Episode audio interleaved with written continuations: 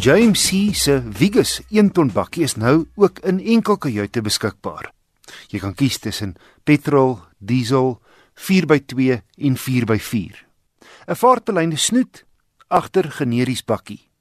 Ek het die 4-trek turbo diesel getoets en ek bly om te kan rapporteer dat die bakkie in elk geval na 'n volle week en meer as 1000 km in my hande goed aan mekaar gesit is.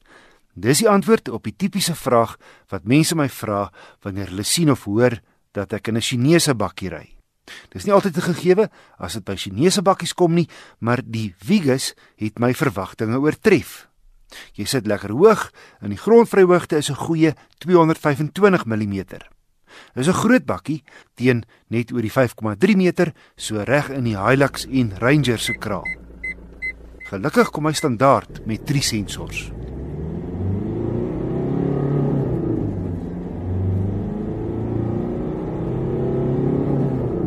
Daar's niks blitsig aan sy versnelling nie. Het ek op 'n trip van Johannesburg na die Vrystaat en terug agtergekom. Ek sal die 2.4 turbo diesel se kraglewering 90 kW en 290 Nm bloot as voldoende beskryf. Wel aangenaam is dat die wrinkerig al vroeg in die toerestrek soemloos inskop en die radverhoudings is goed gekies.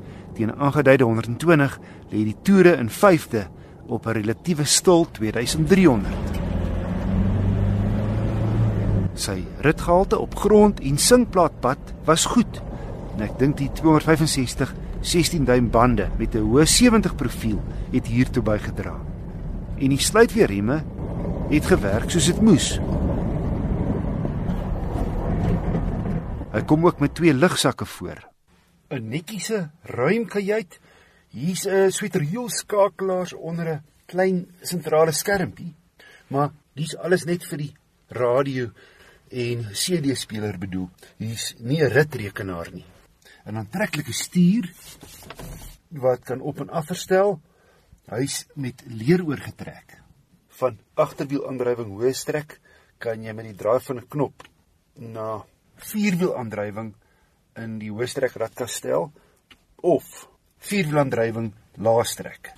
Behalwe dat die deure van self sluit, is hier ook 'n skakelaar waarmee jy die deure kan oop en toesluit. Die spieëls verstel elektries en so ook die vensters. Al klein klagte is dat die grondmat aan die gladde kant is en as jy skoene aan het dan uh, kan jou voete nogal rondskuif terwyl jy bestuur.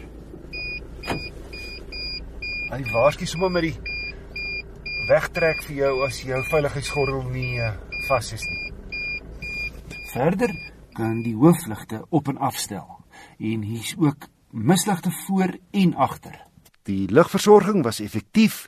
Die sentrale houer tussen die voorste insittendes se deksel dien ook as 'n armleuning en die sitplekke was al die pad gerieflik op my reis van sowat 1100 km en teen 8 liter per 100 km het die dieselnaald stadig gesak.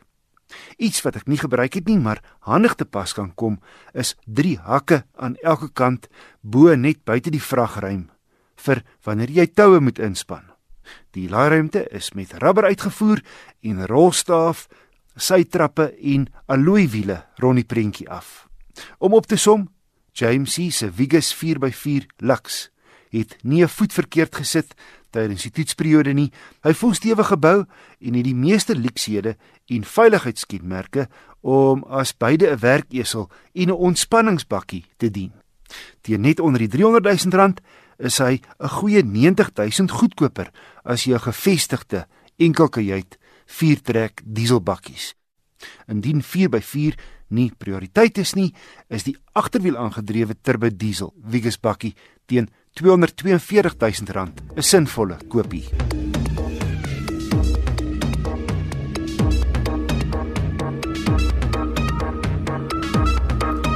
Belangstellendes kan nog tot môre die 3de SA Festival of Motoring by die Kailami Grand Prix renbaan in Midrand Gauteng bywoon. Kaartjies kan elektronies of by die hek gekoop word.